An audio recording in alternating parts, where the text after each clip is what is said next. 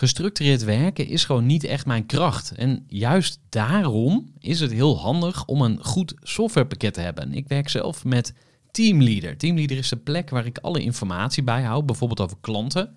Waarin ik offertes maak en verstuur en die digitaal laat ondertekenen. Waarin ik facturen verstuur, waarin ik lijstjes bijhoud, waarin ik projecten kan managen, waarin ik standaard e-mails kan programmeren. Kortom, ik gebruik Teamleader om alle werkprocessen van mijn bedrijf te stroomlijnen. En zeker ook als je met een team werkt, is het heel fijn om over dezelfde informatie te beschikken. Nou, als je ook benieuwd bent of er mogelijkheden zijn om jouw bedrijf meer te stroomlijnen, of je nu alleen werkt of met een team, ga even naar teamleader.nl slash groeivoer en je kunt dan vandaag nog een trial starten voor twee weken lang, gratis. En je kunt Teamleader volledig uitproberen. En na de proefperiode krijg je ook nog zo'n leuke korting als luisteraar van Groeivoer. Ga naar teamleader.nl slash groeivoer. Groeivoer. Groeivoer. Groeivoer. Zoek je inzicht, inspiratie voor je eigen bedrijf. Wil je elke dag iets leren? Ja, welkom bij weer een nieuwe aflevering van de Groeivoer podcast. Mijn naam is Gerard Tevelde en in deze aflevering ga ik in gesprek met Jan Roderkerk. Jan is een door de wol geverfde ondernemer, zou je kunnen zeggen. En heeft een achtergrond in zowel communicatie als mobiliteit. Hij heeft zelfs nog voor een baas gewerkt, de Avro Tros. De goede oude tijd toen je nog voor een lange tijd een loondienst kon zijn. Maar toch koos Jan voor het ondernemerschap en hij heeft elke fout gemaakt die jij kunt verzinnen. Nou, super natuurlijk.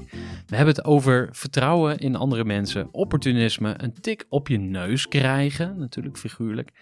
En ja, het verschil tussen je bedrijf managen vanuit winst of vanuit omzet. Nou, mooi gesprek. Ik uh, heb een leuke klik met Jan en uh, vond het gesprek ook absoluut de moeite waard.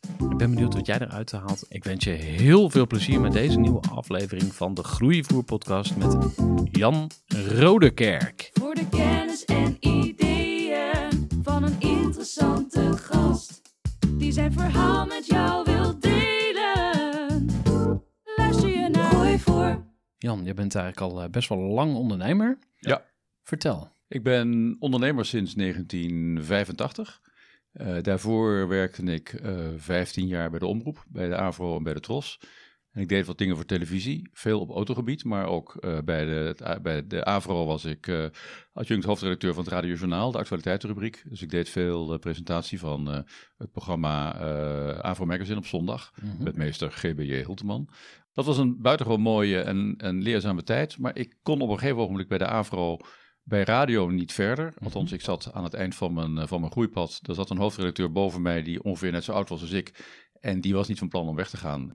Toen kon ik een televisie, maar er was een vrij groot verschil tussen radio en tv, ook in cultuur. En die cultuur bij A voor televisie, die beviel me niet zo. Dat waren ja, toch wel veel mensen die vonden zichzelf geweldig omdat ze bij televisie werkten. En daar had ik niet zoveel mee. Hmm. Ben ik weggegaan. Toen dacht ik van nou, ik ga... Uh, ik had altijd veel rare diensten. Dus ik, ik draaide uh, weekenddiensten, vroegdiensten, avonddiensten. Dan heb je weinig, uh, een weinig um, um, compleet sociaal leven. Dus ik dacht, ik ga weg en ik ga voor mezelf beginnen. Ik ga schrijven. Ik had een aantal, uh, ik kreeg vrij kort achter elkaar een aantal verzoeken van bedrijven die zeiden: Goh, wil je niet voor mij dat of dat doen? Met als eerste job iets dat helemaal niets met, met mijn, mijn dagelijkse werk te maken had. In de laatste maanden van mijn dienstverband bij de AVO had ik een reis door Japan gemaakt. Daar deed ik ervaring op met het Japanse kwaliteitsmanagement. Mm -hmm. Halverwege de jaren tachtig was er in uh, Europa heel veel belangstelling voor wat er in Japan op kwaliteitsgebied gebeurde. Want uh, ze waren daar ver vooruit op Europese ondernemers. Mm -hmm. Met lean manufacturing? Ja, lean, ja, lean, ja um, lean productie, het lean denken. Dat was eigenlijk, na de oorlog was er natuurlijk van Japan niet veel over. Toen hebben de Amerikanen die dat, die dat land plat, plat gebombardeerd hebben, die hebben daar wat mensen neergezet om het te helpen op te bouwen. Mm. En er zat een, een hoogleraar bij, een professor Demming. En die introduceerde kwaliteitsdenken. En daar hebben de Japanners ongelooflijk veel aan gehad. Want die ja, hebben daarmee hun hele land op kunnen bouwen. En op een gegeven moment een voorsprong genomen op eh, de Verenigde Staten en op Europa. Interessant. Dat, is, eh, dat was heel bijzonder. Dus ik heb toen een, eh, een, ben een ruime week door Japan gereisd, heb daar veel geleerd over het kwaliteits, de kwaliteits, kwaliteitsmanagement. En toen ik terugkwam, heb ik een serie radioprogramma's gemaakt. Per saldo heette, dat heette dat programma, een zakelijk programma. Toen heb ik daar vrij uitgebreid aandacht besteed aan, eh, aan alles wat ik in Japan was tegengekomen. En dat leidde weer tot eh, vragen van Nederlandse bedrijven. Die zeiden van, goh, als jij daar zoveel van weet, dan kun je voor ons misschien wel een rol spelen. Dus mijn eerste klus was eh, een reclamebureau dat voor het ministerie van Economische Zaken werkte. En EZ was net begonnen met een, een hele campagne om de ondernemers in Nederland dat kwaliteitsdenken bij te brengen. Was hoorde een blad bij, Kwaliteit in Bedrijf. Mhm. En eh, ik werd hoofdredacteur van Kwaliteit in Bedrijf en ging dat blad, eh, blad vullen. Nou, dat was een mooie start. Het ging heel hard met mijn bedrijf. Eh, na een jaar waren we met z'n drieën, na twee jaar waren we met z'n tienen en na vier jaar waren we met 25 man. En toen had ik echt een groot communicatieadviesbureau. Nou, vervolgens, Dus je was hoofdredacteur ja, en daarnaast had je je eigen bureau? ja, en dat, dat eh, hoofdredacteurschap, dat stopte op een gegeven moment weer. Want na een jaar of twee eh, zei EZ van nou, nu, eh, nu gaan we weer wat anders doen. Ja. Toen heb ik voor de BOVAG gewerkt. Ik ben steeds meer voor automerken gaan werken. Want ik had intussen ook een televisieprogramma. Want de AVRO zei van ja, je bent wel vertrokken, maar we willen je toch wel je kennis eh, behouden. En toen ben ik AVRO's hoogste versnelling gaan maken. Dat was eigenlijk het eerste televisieprogramma, eerste onafhankelijke objectieve eh, autoprogramma op televisie, samen met Ruud Weijden. Dat was destijds nog een eh, bekende sportpresentator. En hij was de mooiprater en ik vertelde hoe het in elkaar zat. En eh, dat, was een mooie, dat was een mooie taakverdeling. En televisie was toen natuurlijk nog iets anders dan, dan nu. Dus er werd echt goed naar gekeken. Het was, een, was een, een goed bekeken programma. Nou, dat gaf mij bekendheid. Dat was mooi, want daardoor kwamen er weer klanten. Want zo werkt dat natuurlijk vaak. Ja. Dus mijn bedrijf groeide en bloeide. En ehm, eh, ik heb vervolgens heb ik in de jaren die erna kwamen elke fout gemaakt die een ondernemer kan maken. Ehm, want je kunt wel een leuke journalist zijn, eh, maar dat wil niet zeggen dat je ook de, ehm, ehm, de, de, de ideale manager bent. Ja. Dus eh, je neemt de verkeerde mensen aan, je neemt de verkeerde beslissingen, je bent te afhankelijk van te grote klanten, dus je gaat spreiden. Eh, op een gegeven moment gaat die ene grote klant toch weg en dan, dan moet je mensen ontslaan, omdat het toch allemaal qua omzet ineens een, een stuk terugloopt. Ik heb bedrijven verkocht, ik ben weer opnieuw gestart, weer verkocht, weer opnieuw gestart. En dat ging met wisselend succes. Ik heb periodes gehad dat het heel erg goed ging. Maar ook periodes dat, het, eh, dat ik gewoon domme dingen deed en, eh, en fouten maakte. Eh, een tijdschrift dat ik uitbracht dat failliet ging. Nou ja, dat soort, dat soort zaken. En op een gegeven moment ben ik ehm, in eh 2003, 2004... heb ik mijn laatste bureau verkocht. Toen zaten we met een man of twaalf. En er was iemand die een automotive bureau wilde starten. En die wilde kopen en die had geld beschikbaar. Althans, daar leek het op. Dus ik heb verkocht. Heb nooit meer geld gekregen, eh, maar dat is een ander verhaal. Dat is ook weer zo'n zo'n typisch eh, ondernemersprobleem waar je tegenaan kunt lopen. Ehm, en ik hoe, ben, hoe kan je je bedrijf verkopen zonder dat je er geld voor krijgt? Nou, dat? dat, dat is simpel. Wat is daar Ehm, gebeurd, zeg maar? ehm, je, je verkoopt en je krijgt een, een, een deel betaald nu. Mhm. En je krijgt een deel in de toekomst. Ja. Eh, en dat is vaak gekoppeld aan je moet nog drie jaar blijven. En in die drie jaar gaan we samen ervoor zorgen dat we een succes ervan maken. Dus uit de winst. en dan uit de winst wordt, je, wordt Ja, dan je tweede ja, deel betaald. Dat is de theorie. De praktijk is vaak dat dan de koper die gaat baas spelen. Mhm, En niet elke koper is ook een ideale baas. mhm, Dus mijn idee was, we gaan het doen met z'n tweeën. mhm. Maar de praktijk was dat de man die het gekocht had, Ja. die ging het bedrijf op zijn manier eh, runnen. En hij was gericht op omzet en ik was gericht op winst. Dat zijn Mhm. twee totaal verschillende dingen. Dus eh, hij ging naar klanten toe met een tasje onder zijn arm. En die klanten die dachten, ha, ik kan bij hem eh, lagere tarieven bedingen. Dus de, de winst holde achteruit. Mhm. En eh, mijn zeer winstgevende bedrijf werd in de combinatie ineens een, werd het een, een verliesgevende activiteit. Nou, daar was ik natuurlijk niet blij mee, want ik, eh, ik had een bepaald idee over hoe we het samen zouden doen. En daar kwam in de praktijk niks van terecht.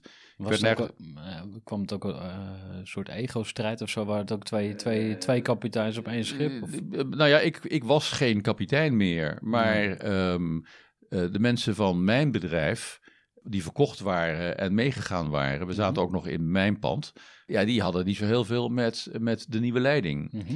En de nieuwe leiding, die, die had een hele andere filosofie over ondernemen.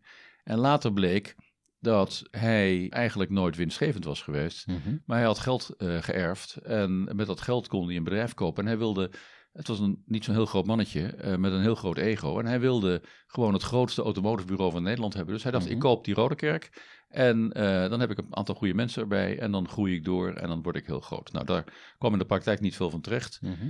Na anderhalf jaar eh onderstonden er zoveel problemen tussen Mhm. ons, dat op een gegeven ogenblik eh, ik van zijn eh, advocaat een, een brief kreeg dat hij zei van ja, ehm, je hebt aangegeven dat je weg wil. Ik, dat heb ik helemaal niet aangegeven. Maar dat werd een lastige, een lastige strijd. Ik had niet zo'n hele sterke advocaat die, die mijn zaken moest, moest dienen. En dat is gewoon verkeerd gegaan. Hm. Dus ik ben vertrokken en ik heb nooit het geld gekregen wat ik moest hebben. Maar ja, dat gebeurt. Ja, en wa- wat heeft het met je gedaan? Dan kan je eh, slapeloze nachten, nee. buikpijn, hoofdpijn Nee, eh, nee. Nee, want ehm, herinneren? Nee, want als je onderneemt, dan. Kijk, ik ben. Ik denk dat ik wel een echte ondernemer ben. Ik ben altijd op zoek naar nieuwe, naar nieuwe activiteiten, naar nieuwe producten, naar nieuwe diensten. Hm. En je weet dat daar dan dingen misgaan. Dat is vervelend, maar dat is maar zo. Hm. Wat wel vervelend is, is als je goede mensen hebt en van die mensen afscheid moet nemen. Hm. Dat, is, dat, hè, dat, dat doet pijn. Dan zijn er op een gegeven moment zijn er mensen die zijn eh, bij jou in dienst gekomen, die zijn jou trouw, maar die voelen zich niet thuis in de nieuwe constellatie. En die zeggen dan, joh, ik ga weg. En dan weet je dat ze eigenlijk weggaan omdat jij je bedrijf verkocht hebt. Ja, dus eigenlijk ben jij er verantwoordelijk voor dat Ja. zij hun baan kwijt zijn. Ja, ja, Zou ja zo, zo, zo, Ja. zo, zo voelt dat wel af en toe. En met een aantal van de mensen die bij mij gewerkt hebben, heb ik nog steeds contact. Dat is leuk. Met een aantal eh, niet. Kijk, je maakt eh, als ondernemer maak je fouten. Eh, ook met het aannemen van mensen, met het, met het oordelen over mensen. met de karakters van mensen. Dat botst soms. En, dat, en soms gaat het goed en soms gaat het niet goed.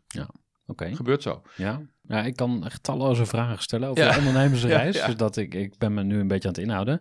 Maar je hebt dus eh, meerdere bedrijven opgestart. Sommige gingen failliet, sommige... Nee, er is, eh, er, is, er is geen bedrijf failliet gegaan. Oh, er, is een, er is één project. Maar toen was ik al, ik ben op een gegeven moment ben ik weggegaan bij dat laatste bureau.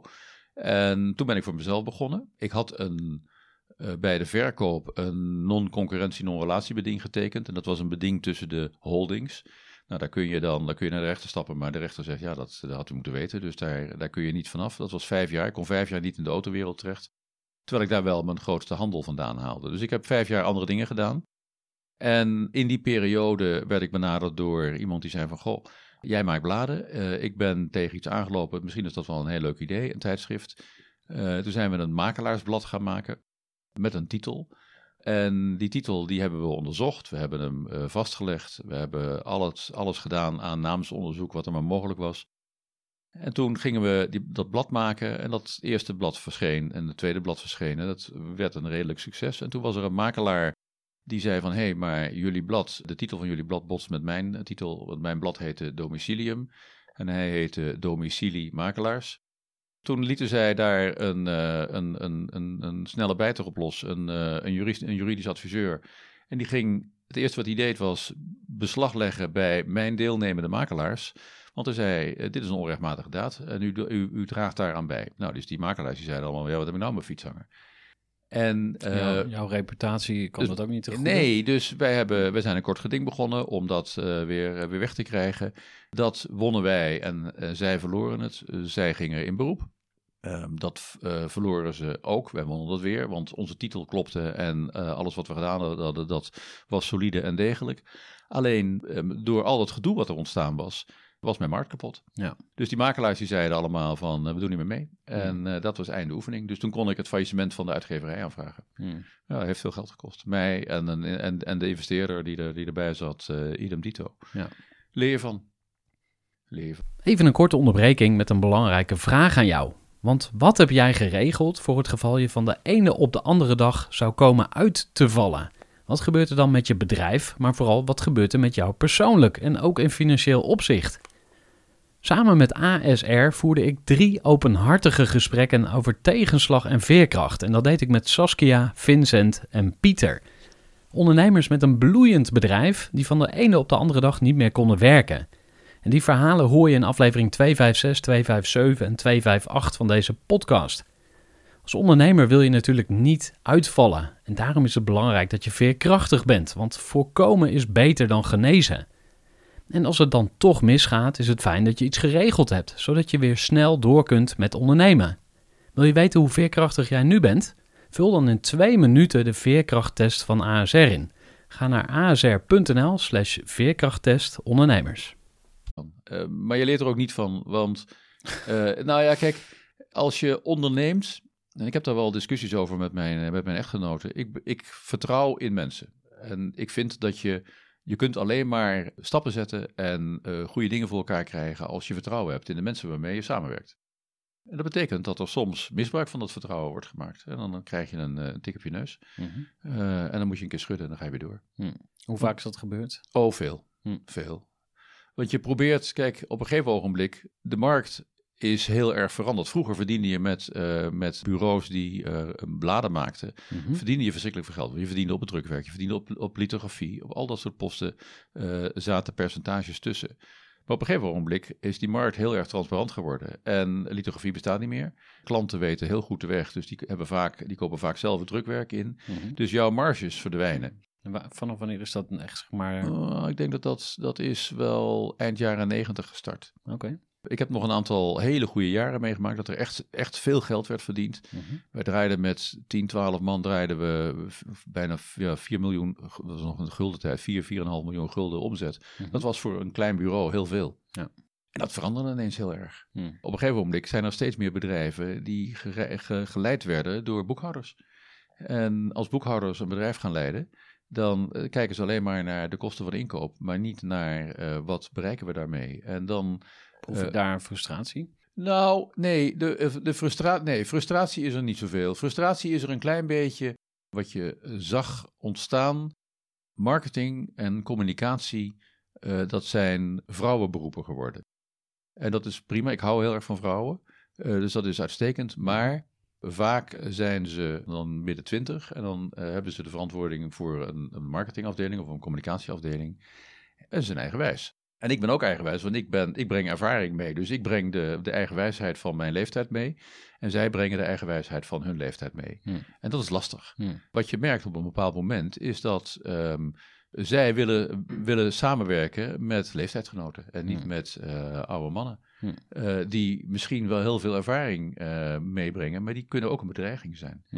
En dat is wel af en toe dus, frustrerend. Maar had je een soort van, ik noem het even een disconnect of een soort, dat het niet meer klikte tussen jou en je klanten dan of zo? Nee, nee, nee, want ik heb heel veel klanten lang, erg lang kunnen houden. over het algemeen, als ik als een klant tevreden is en als ik hem tevreden kan stemmen. En dat mm -hmm. kun je vaak door gewoon extra goed je best te doen. Mm -hmm. En door het belang van de klant uh, de, uh, voorop te stellen, ja. dan blijven ze lang klant. Ja, maar, je zegt, maar, maar ik ben een beetje op zoek naar hoe ziet dat er dan uit? Dus ik zie nu voor me, uh, er zit daar een, een jonge, hippe marketingmedewerker of manager. Ik kan je wel een voorbeeld ja, geven. Okay. Ik, um, ik maakte een, een, een, blad, of een aantal bladen voor een verzekeringsbedrijf. Mm -hmm. En die moest sterk bezuinigen. Dus toen ik er voor ging werken, toen werkten er nog 1400 mensen. Een intermediair, een verzekeringsintermediair. Met een groot aantal vestigingen. En toen ik er uh, vertrok, toen werkten er nog uh, 800 mensen. Ik kon heel goed met iedereen overweg. Ik kon heel goed met de, de met de medezeggenschapsmensen overweg. Um, met, uh, met, met iedereen. Hm. het werkte goed. Op een gegeven moment kwam er een nieuw meisje op marketing. Hoewel ik naar volle tevredenheid werkte, had zij een vriendinnetje met een communicatiebureautje. Ja. Zij vond het wel leuk als dat vriendinnetje uh, voor uh, dat bedrijf ging werken. Ja. En uh, dan word je eruit gebonjourd. Oké, okay, maar jij hebt dan je Old Boys Network, tussen aanhalingstekens. Dat is dan jouw troefkaart, toch? Dat je zegt van, hé, hey, maar ik heb toch die ja. jarenlange relaties ja. die ik al meeneem. Ja, klopt. Dat werkt ergens anders weer ja, in maar dat, dan? Of? Ja, maar dat, dat klopt wel. Maar op het moment dat in een bedrijf iemand wordt aangenomen op een bepaalde functie en die maakt keuzes, dan wordt, worden die keuzes uh, niet altijd toegejuicht door bijvoorbeeld de directie. Mm. Maar voordat ze zeggen, wij gaan dat niet doen zo, want we werken met, met hem en we zijn over hem tevreden, mm. dat is een hele andere stap. Ja. En dan ben jij als freelancer, ben jij ben goden overgeleverd. Ja. Dat geeft niet, nee. want um, dat gebeurt. En ja. um, um, er verandert natuurlijk, iedere dag verandert er zo verschrikkelijk veel in dit vak. Dus je moet zorgen dat je uh, dat je bijblijft mm -hmm. en dat je je specialiseert in een bepaald onderwerp. En ja. ik ben dat op een gegeven moment gaan doen in, uh, in elektrisch rijden. Mm -hmm. En uh, dat helpt mij nu heel erg. Ja, want hoe ben je hier vandaag? Met een elektrische auto. Oké, kan je iets specifieker zijn? Ja, ja. Ik, ehm, ehm, ehm, ik heb natuurlijk een, ik heb zelf een elektrische auto. Eh, mijn vrouw rijdt eh, half elektrisch.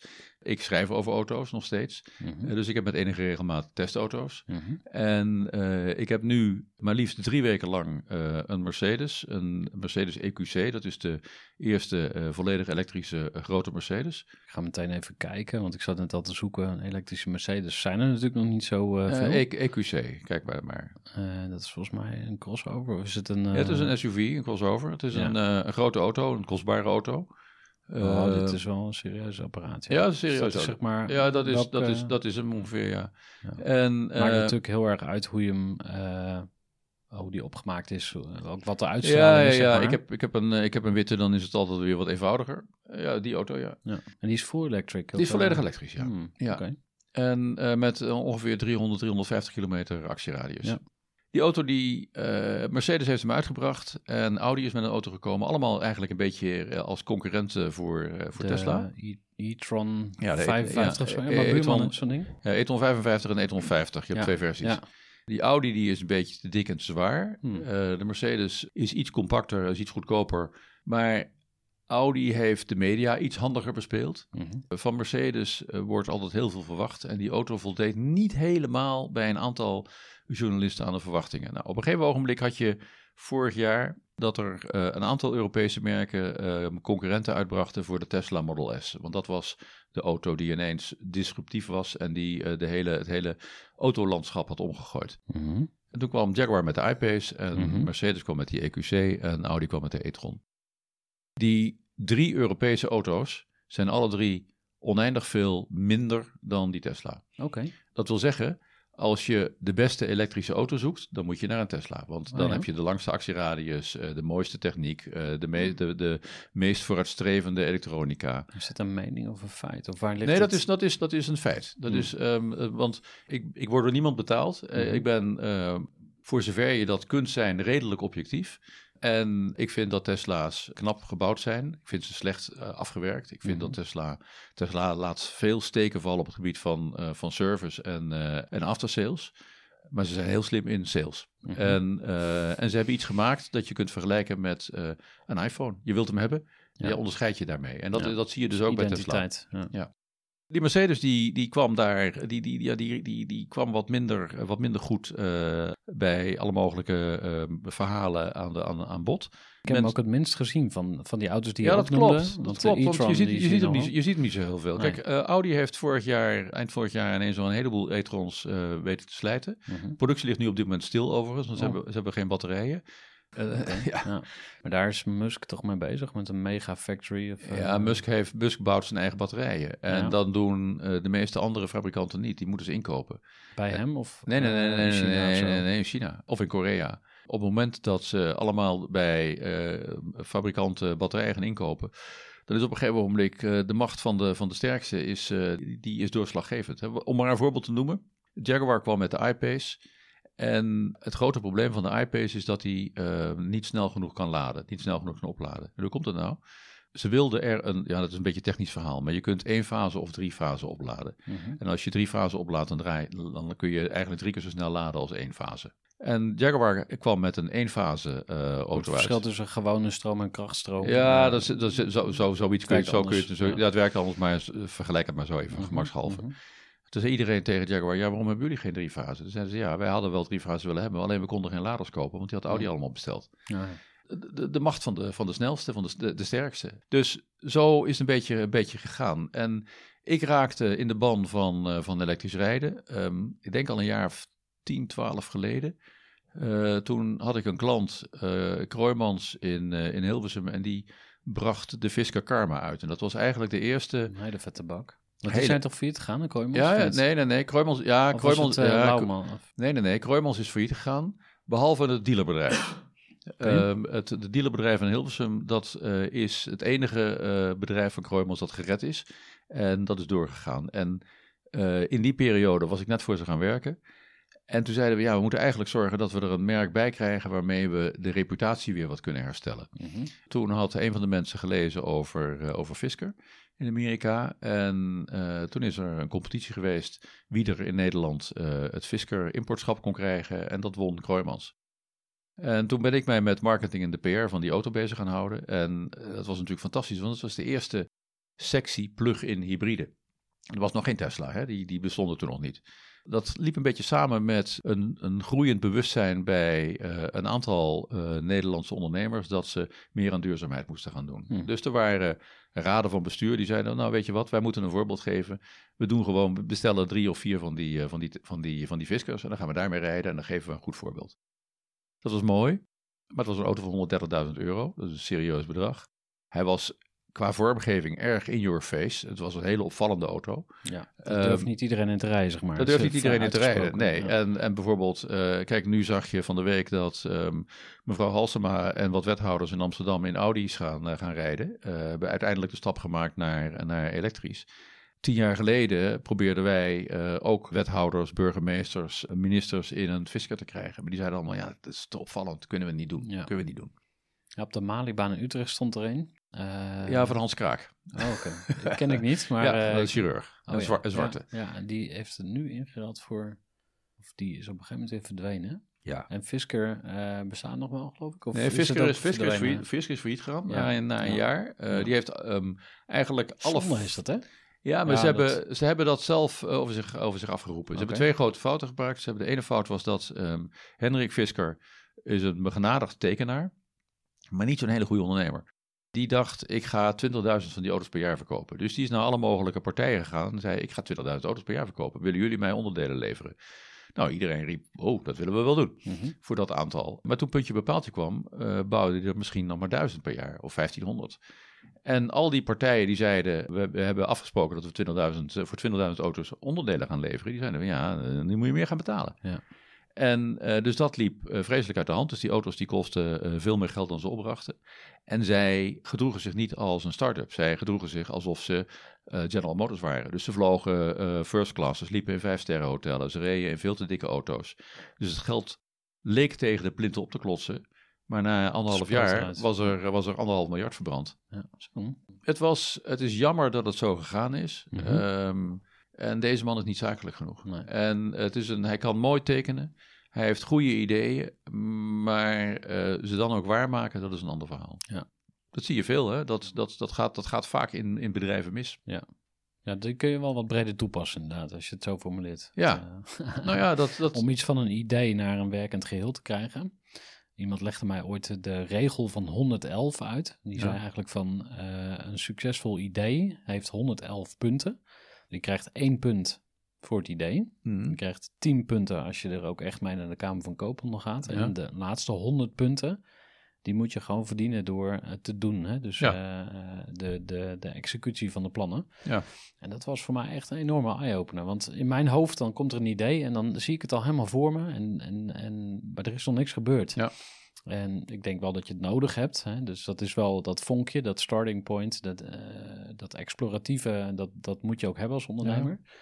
Maar het is heel naïef om te denken dat, dat je er dan al bent, zeg maar. Ja, ik- Zeker ik- in de automotive eh, is het onmogelijk om... dat klopt. Ik wil er nog wel één ding aan toevoegen. Je moet ook heel snel zijn. Ja. Eh, want als jij een goed idee hebt, ehm, het is zelden dat een goed idee alleen komt. ja. En Dus als komt jij- dat? Is dat dan... Ja, omdat, omdat veel ideeën toch worden geboren doordat mensen bepaalde dingen zien. Ja, Eh, ja. En, maar we zien allemaal hetzelfde. Ja. En de een pakt het wat sne- sneller op dan de ander. Maar als je een, eh, als je een goed idee hebt. Ik loop al een jaar, anderhalf jaar te leuren met een idee voor een, een elektrische auto op abonnementsbasis. Mhm.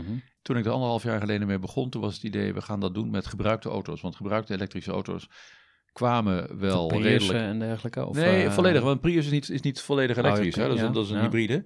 Maar eh, Renault Zoe is Fiat 500e is uit Amerika geïmporteerd. De eerste generatie Ni- Nissan Leafs. Betaalbaar concept dan ook. Ja, dat is 300, 400 per ja, maand of 300, zo? drie- twee- twee- 200, 2 tot 300 euro per maand. Ja. En eh, op abonnementsbasis, dus niet private lease, waarbij je heel lang aan een auto vastzit, maar eh, gewoon na drie maanden opzeggen. En hoe groot moet die vloot zijn om te kunnen starten? 100 of zo, 200? Ehm, groter? eh, we- zouden geld gaan verdienen als echt serieus geld gaan verdienen als er duizend auto's per jaar werden gedaan. Mhm. Maar als je weet dat er per jaar in Nederland iets van, een, van anderhalf miljoen auto's worden verkocht, dan is duizend auto's niet zo heel veel. Dat is een. Ehm, dus ik dacht, we gaan dat doen met gebruikte auto's. Want een, paar, een jaar geleden, anderhalf jaar geleden, waren die dingen de straatstenen niet kwijt te raken. ja. Dat is inmiddels veranderd. Maar de fout die ik maakte, een denkfout, was dat eh leasemaatschappijen zeiden, ja nee, maar gebruikte auto's, dat willen we niet. We willen de juiste, we willen nieuwe auto's. We willen die gebruikte auto's, daar willen we zo snel mogelijk vanaf, want dat is een risico. Dus die wilden niet investeren in gebruikte auto's. Er waren nog een aantal partijen die het allemaal eng vonden. Eh, kortstondig een abonnement voor drie maanden. Nee, we willen langlopende contracten, want dan weten we zeker dat we geld krijgen.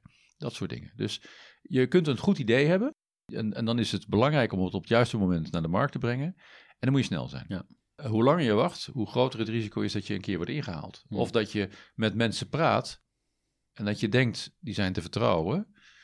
Eh, en dan zie je toch ineens een deel van jouw ideeën zie je, zie je ergens anders opduiken. Ja. Eh, want mensen zijn niet te vertrouwen. Oké, interessant. Ja. Ga daar eens op door.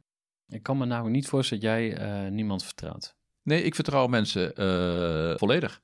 Je, je hebt mensen die hebben vertrouwen. Mhm. Eh, en je hebt mensen die zijn opportunistisch. Mhm. Ik denk dat de ideale ondernemer een mix is van eh, je hebt vertrouwen in mensen en je bent op een gezonde manier opportunistisch. Ik ben niet opportunistisch. Dat ontbreekt in mijn, eh, in mijn DNA. De jongens die, die echt succesvol zijn, Mhm. die kunnen heel goed voor zichzelf zorgen. Mhm. Ik zie jongetjes, ik, een paar weken geleden sprak ik met een jongen van, die was 21. En zo snel in zijn denken, zo spijkerhard. En dan denk ik, ja, En wat bedoel je met spijkerhard? gewoon eh, zo gaan we het doen. En het kan wel zijn dat iemand anders zegt dat hij hetzelfde idee heeft. Nou, dat zien we dan, dan zien we elkaar wel in de rechtbank. En ik, wij gaan het winnen. Gewoon heel, heel dedicated. En dan denk ik, jongens, 21. En dan al zo, eh, zo, zo zijn. Ja, dat heb ik nooit gehad. Daar ben ik te zacht voor. Maar goed, dat is verder niet zo belangrijk. Het is wel grappig. Nou, ja, ik vind het wel interessant. Ja. Daarom, ga ik er ook over door. Van, word je zeg maar eh, milder naarmate je ouder wordt? Of word je juist minder naïef en harder? Ik denk dat ik eh, milder ben geworden. Er komen meer grijzen in je denken. Eh, je wordt grijzer en je komt, er komen meer grijzen in je denken. Maar als je een creatief bent, dat zie je heel vaak. Ik ben een creatief, ik kan, ik kan goed schrijven. Creatieven zijn vaak niet heel zakelijk. Mhm. En mensen die heel zakelijk zijn, die zijn zelden creatief. Hmm. Dat zijn gewoon twee verschillende bloedgroepen. Als je creatief bent, dan laat je veel, dan neem je veel beslissingen op basis van, van je hart, niet van je hoofd. En eh, dan maak je fouten. Hmm. Ik vind dat niet erg, want dan, als, het, als het dan weer een keer misgaat, dan schud ik een keer en dan begin ik weer iets nieuws. Ja. Er zijn mensen die dat op een heel andere manier aanpakken. En dat zijn de mensen die succesvol zijn. Mhm. Kijk, ik kan terugkijken op, eh, op mooie bedrijven en op mensen die, waar ik eh, heel goed mee heb samengewerkt en waarvan een aantal me nog steeds trouw is en, en aardig is tegen me en blij is met de kansen die ze hebben gehad. Nou, dan denk ik wel, dat heb ik goed gedaan. Hmm. Maar eh, ik had nooit gedacht dat ik zo hard nog op, op, op deze leeftijd zou moeten werken. Hmm. Maar aan de andere kant denk ik ook van ja, ik vind mijn werk zo superleuk. Hmm. Ik had er niet aan moeten denken dat ik, dat ik niks meer zou doen. Want het geld wat je verdiend hebt met het verkopen van je bedrijven, heb je her, geherinvesteerd? Nee. Of heb je daar eh, Nee, vastgoed van nee, gekocht? Nee, of, nee, ik heb, eh, ik heb, nee, ik heb eh, alles wat, er- wat je financieel verkeerd kunt doen, heb ik verkeerd gedaan. Oh, dus nee, dus ik heb, eh, nee ik, eh, ik heb er niks aan overgehouden. Hmm. Is dat ook een les dan? Hè? want Het is natuurlijk een makkelijk bruggetje van eh, wat, wat is jouw tip of eh, suggestie of eh, wat zou je mee willen geven aan eh, andere ondernemers op dat punt? Stel je verkoopt je bedrijf, je vangt eh, weet ik veel een paar ton of een half miljoen of misschien wel meer. Wat zou je er met de, met de terugwerkende kracht mee gedaan hebben? wat zou je Ehm, mee nou, ik had, eh, ik had eh, een goede oude dagsvoorziening voor mezelf moeten, moeten kopen. Dat, dat, en ehm, het grappige is dat je ziet dat heel veel jongeren, die denken helemaal niet aan, aan later. Die Mhm. stoppen, die investeren daar ook geen geld in. Dat gaat nog een groot probleem worden. Mhm. Want eh, die zijn eh, veel jongeren die een goede opleiding hebben gehad. Mhm. Die zijn eh, een serieus inkomen gewend. Zijn vaak getrouwd met een vrouw die ook een goede opleiding heeft, die ook een serieus inkomen brengt. Dus die hebben behoorlijk veel geld. Hè. Je Mhm. ziet, ziet veel jongeren die probleemloos eh 6, 7, 8, 9 ton voor een huis betalen, dertigers. Mhm. Maar ze besteden heel weinig aandacht aan straks. Ja. Dat is wel een, een les die ik geleerd heb. Ik zou eh, in ieder geval ervoor gezorgd hebben dat ik een bedrag had weggezet voor later. Ja. En of dat dan op de bank is, of dat het in de vorm van stenen is, of op, op, een, op, een, op een basis van een andere, een andere investering. Of ja, whatever. Ja, maar- sparen. Ja, maar dat zou, dat zou ik wel altijd, als, dat zou wel verstandig zijn geweest. Ja, en vanaf welk jaar moet je dan ongeveer volgens jou pensioen opbouwen als je ondernemer bent? Nou, ehm, ik denk vanaf je dertigste. Ja. Want ehm, kijk, aan de ene kant is het zo, we worden natuurlijk steeds ouder. Mhm, De vraag is natuurlijk, eh, hoe, hoe oud ben je straks als je stopt met werken? mhm. Maar er wordt wel heel veel van, van eh, de mensen nu gevraagd. Dus ze moeten vaak ontzettend hard werken. En ik denk dat er eh, redelijk, je, je, je, hoort toch veel over burn-outs, over, over problemen. Dus ik denk dat er best behoorlijk wat jonge mensen wel serieus geld verdienen, maar ook roofbouw plegen op zichzelf. Hmm. Dat betekent dat je misschien als je 55 bent, wel zin hebt om eh, vooral heel veel te gaan vissen of zo. Dat moet je Hmm. wel kunnen betalen. Ja. Ja, ik heb eh, eh, Tony Robbins, die heeft een boekje geschreven, Ja. misschien ken je wel. Unshakable heet het boek. Ja. En dat gaat ook over van hoe ga je je persoonlijke financiën regelen als ondernemer. En ehm, dat was voor mij de trigger om in gesprek te gaan met de pensioenadviseur. Om dat nu eindelijk eens te regelen. Je zei van, eh, ga voor je eh, pensioen sparen voor je Ja. dertigste. Hoe stop je dat in je verdienmodel? Want dat is dan eh, waarom ik bijvoorbeeld nooit pensioen ging opbouwen en nooit een arbeidsongeschiktheidsverzekering had. Ik zag dat als extra overhead kosten. Ja. Eigenlijk ben je dan aan het vals spelen. Dan ben je eigenlijk aan het cheaten, zeg maar. Dus je betaalt jezelf te weinig uit. Ja, Terwijl je zou dat, als je in dienst bent bij een werknemer, zou je dat nooit accepteren. Nee, dus klopt. als je in dienst bent, dan ga je wel zeggen van, hé, hey, ik wil pensioen en ik wil dit en dit en dit. Ja. Maar nou ben je ondernemer, dus je hebt eigenlijk jezelf in dienst, maar dan ga je jezelf eigenlijk te weinig betalen. wat ik geleerd heb, ik heb ook arbeidsongeschiktheidsverzekeringen gehad. En op een gegeven ogenblik loop je er een keer tegenaan dat het allemaal financieel wat minder gaat. Dan is die verzekering veel, heel duur. Hmm. En dan stop je. Ja. En dan heb je dus heel veel geld weggegooid. Want je krijgt er nooit wat voor terug.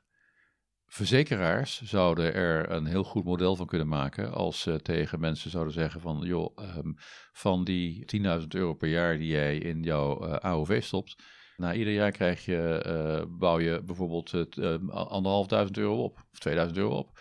Dus eh, als je straks stopt, dan krijg je in elk geval een bedragje terug. Ja. Zouden ze heel makkelijk kunnen doen. Zou heel, zou heel, heel klantenbindend werken. Hmm. eh, en het voor heel veel mensen veel makkelijker maken. Er komt overigens nu is natuurlijk sprake van dat er een soort verplichte eh, AOV komt. Hè, als je Ja. zelfstandig Ja, bent. Ik ben gewoon heel vaak gewisseld. En dat is denk ik ook wat op dit moment veel, veel mensen die ergens in dienst zijn, parten gaat spelen. Ze werken ergens drie jaar. Ze bouwen een heel klein beetje pensioen op. Eh, vooral de partij die, eh, die bemiddelt, die pakt de provisies en die lacht. En na die drie jaar gaan ze weer naar een andere, naar een andere baan. Hmm. Want je moet tegenwoordig vaak wisselen. En op deze manier wordt er nooit iets serieus opgebouwd. Hoe krijg je die mensen, hoe krijg je die mensen eh, zo verstandig dat ze dat wel doen? Ja, dan zou je het in eigen beheer moeten doen. Maar dan moet je ook zorgen dat het verplicht afgedragen wordt. En dan richting je klant, zeg maar. Dus hoe ga je dat dan weer... Hoe zorg je dat je genoeg winst maakt om dat je te kunnen veroorloven? Hè? Want Ja, je zei net eh, even van die arbeidsongeschiktheidsverzekering... die ga je dan wegstrepen op het moment dat je zegt van... hé, hey, ik moet even eh, Ja. kosten... Ben je daar veel mee bezig geweest met je pricing, je positionering en Ja. je verdienmodel? Ja. Wat, wat zijn daaruit je lessen? Of wat, eh, wat ben je Ja, dat kun, je, dat kun je haast niet zeggen, want de markt verandert zo. Hmm. Wat ik toen straks al zei, veel bedrijven worden tegenwoordig geregeerd door, door boekhouders. Maar wat bedoel je daarmee? Want, eh, of tenminste, ik kan me voorstellen dat je zegt van... hé, hey, ik, ik ben een, ehm, een creatief. Ik heb Ja. liefde voor het, het scheppende, het creërende. Ja. Het, het, ik wou bijna zeggen het eh, dichtelijke, poëtische, Ja. het, eh, het hogere zou je ook nog kunnen zeggen. En die boekhouders, die kijken alleen maar naar de centjes en naar de getallen. Ja, Bedoel je dat? ja dat, dat, dat bedoel ik. Of, Ja, nee, bedoel, dat bedoel, nee, dat bedoel ik zeker. Ja, ja. Ehm, ehm, kijk, veel grote bedrijven, waar vroeger, eh, vroeger, het klinkt zo, zo oude mannerig, maar waar, waar makkelijker bijvoorbeeld geld aan, aan promotie werd uitgegeven, daar eh, zitten nu mensen die ieder dubbeltje omdraaien en niet altijd kijken naar wat brengt het ons op, op termijn, Hmm. maar kunnen we, willen we het nu wel uitgeven. Mhm. En het interessante van de huidige tijd is dat de ontwikkelingen gaan zo razendsnel. Je kunt nu geen recept meer geven voor succes, want succes verandert elke dag. Hmm. Je moet, er zijn een aantal uitgangspunten. Ik bedoel dat je hard moet werken en dat je kennis van zaken moet hebben en dat je moet zorgen dat je goede gemotiveerde mensen hebt enzovoort. enzovoort. Dat is allemaal, dat spreekt voor zich. Mhm. Maar eh, verdienmodellen van twee, drie jaar geleden zijn ineens alweer weg. Dat is heel interessant, hè? Dat Eh, je dus eigenlijk, ja. Dus je moet permanent moet je, Hmm. moet je in beweging blijven. Ehm, Word je dan niet eh, af en toe heel moe van? ja, maar het is wel uitdagend. En het is, ik vind het wel Ja, je leuk. bent een optimist. Ja, ik ben een optimist, ja. Ja, dat klopt. Maar eh, eh, eh, om maar een te noemen, tien jaar of acht jaar geleden zei iemand tegen mij, je moet, je moet naar LinkedIn, want dat is interessant. En ik dacht, nou, sociaal. en, en ik ben de laatste, het laatste jaar ben ik daar werk van gaan maken. En mezelf wat meer gaan promoten. Je moet jezelf mm, goed proberen te verkopen. Dat is een van de dingen van nu. Eh, dat was, vroeger was het helemaal niet zo belangrijk, maar dat is steeds belangrijker geworden. Dus je moet aan de weg timmeren. Eh, je moet zorgen dat je een netwerk opbouwt. En dan merk je dat het feit dat je dat, dat, je dat realiseert. Ik heb nu een netwerk van 1700 mensen. Dan denk ik van wow, 1700 mensen. Dat is best veel voor, voor LinkedIn. Eh, voor, me- voor, me- voor iemand van, van mijn achtergrond en, en leeftijd is dat veel. Ja. Althans, ik vind het veel. Zo, dat zou ik het zeggen. Maar ik heb er baat bij. Ja. Ik merk dat je, dat je daardoor toch makkelijker met partijen praat. Dat je iets makkelijker eh, contacten legt. En eh, Nou ja, wie, had, wie, had dat, wie had dat vijf jaar geleden gedacht? Als je er niet op zit op LinkedIn, dan ben je of heel succesvol en heb je het niet nodig. Ja. Eh, pff, ik noem even Frits Goldsmeding. of Ja. zeg maar echt Ja. de big, big ondernemers. Of je, of je bent dood, zeg maar. Je, je, je, je, hoort, je, je hoort helemaal niet bij. Ja, klopt.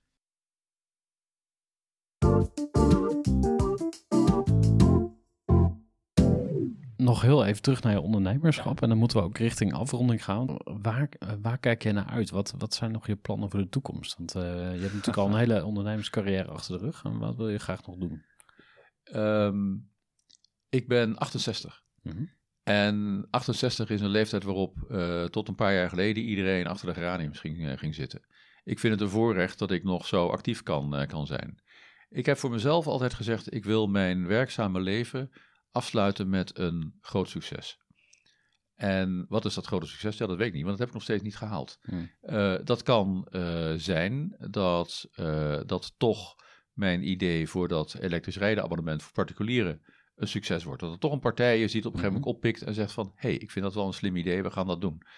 Ik heb kleinkinderen en dan denk ik van ja, ik wil de wereld gewoon wat beter achterlaten. Ja. En, als ik daar, en, daar, en als ik daar een bijdrage aan kan leveren, en daar ben ik hard mee bezig, eh, dan heb ik het goed gedaan. Ja. Dat is wat ik, wat ik wil realiseren. Misschien dat ik nog wel tien jaar werkzaam blijf. Ik hoop het. Ja. Ik hoop dat ik een keer omval en dat het dan, eh, dat het dan klaar is. En dat ik niet achter de geraniums hoef te zitten, niet hoef te Mm. gaan vissen. En, niet, en nou ja, golfen doet, doet niemand meer natuurlijk. Maar eh, dat, dat, dat is helemaal voorbij. Maar, maar vroeger, vroeger zou, zou je zeggen van ik ga golfen. Ik ga Ja. lekker, hè, of ik ga naar mijn... Ik ga Maar dat tweede- zijn echt van die schablonen ook Ja. echt, hè? Want je, eh, natuurlijk ook een loopbaan, weet je wel? Dan ga je dat 40 jaar plannen van, oh, dan ga je iedere keer een stapje maken in een corporate bedrijf of zo. Of Dat is eh, voorbij. als je met, dat, dat is niet precies, meer. al die, al die schablonen. En ook het schabloon van succes is een grote prestatie, want dan moet je, weet ik veel, tientallen miljoenen verdiend hebben, in de quote staan, eh, duizenden, bla bla bla bla bla. Dat is... Maar kan eh, succes ook iets anders zijn? Ja, ik vind succes. Succes is dat je jezelf in de spiegel recht in de ogen kunt kijken en dat je denkt van ik heb het goed gedaan. Hm. Succes is. Dat heb je dus al bereikt eigenlijk. Ja, maar het is nog niet klaar. En het grappige van deze tijd is, je moet mee. Eh, Kijk, als je niet, niet heel snel ontwikkelt, eh, dan ben je heel snel verouderd. Dan ben je eh, binnen de kortst mogelijke tijd een, een narrige, witte oude man die, die conservatief denkt. Hm. Die zijn er in overvloed. Ook in jouw omgeving. Natuurlijk. Ja. Die zie je op Facebook, die kom je op LinkedIn tegen. Ehm, dat zijn mensen die, die verzetten zich tegen de tijdgeest en die kunnen daar niet mee omgaan. Hmm.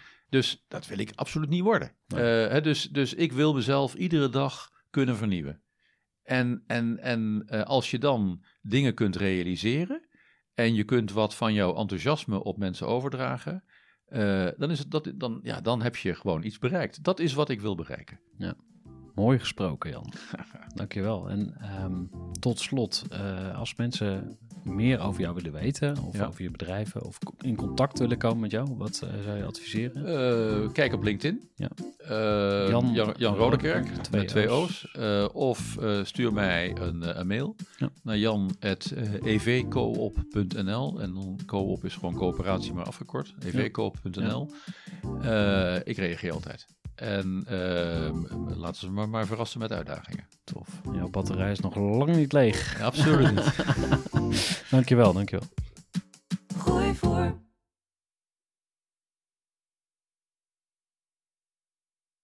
Gestructureerd werken is gewoon niet echt mijn kracht. En juist daarom is het heel handig om een goed softwarepakket te hebben. Ik werk zelf met Teamleader. Teamleader is de plek waar ik alle informatie bijhoud, bijvoorbeeld over klanten. Waarin ik offertes maak en verstuur en die digitaal laat ondertekenen. Waarin ik facturen verstuur, waarin ik lijstjes bijhoud, waarin ik projecten kan managen, waarin ik standaard e-mails kan programmeren. Kortom, ik gebruik Teamleader om alle werkprocessen van mijn bedrijf te stroomlijnen. En zeker ook als je met een team werkt, is het heel fijn om over dezelfde informatie te beschikken. Nou, als je ook benieuwd bent of er mogelijkheden zijn om jouw bedrijf meer te stroomlijnen, of je nu alleen werkt of met een team, ga even naar teamleader.nl slash groeivoer en je kunt dan vandaag nog een trial starten voor twee weken lang, gratis. En je kunt Teamleader volledig uitproberen. En na de proefperiode krijg je ook nog zo'n leuke korting als luisteraar van Groeivoer. Ga naar teamleader.nl slash groeivoer.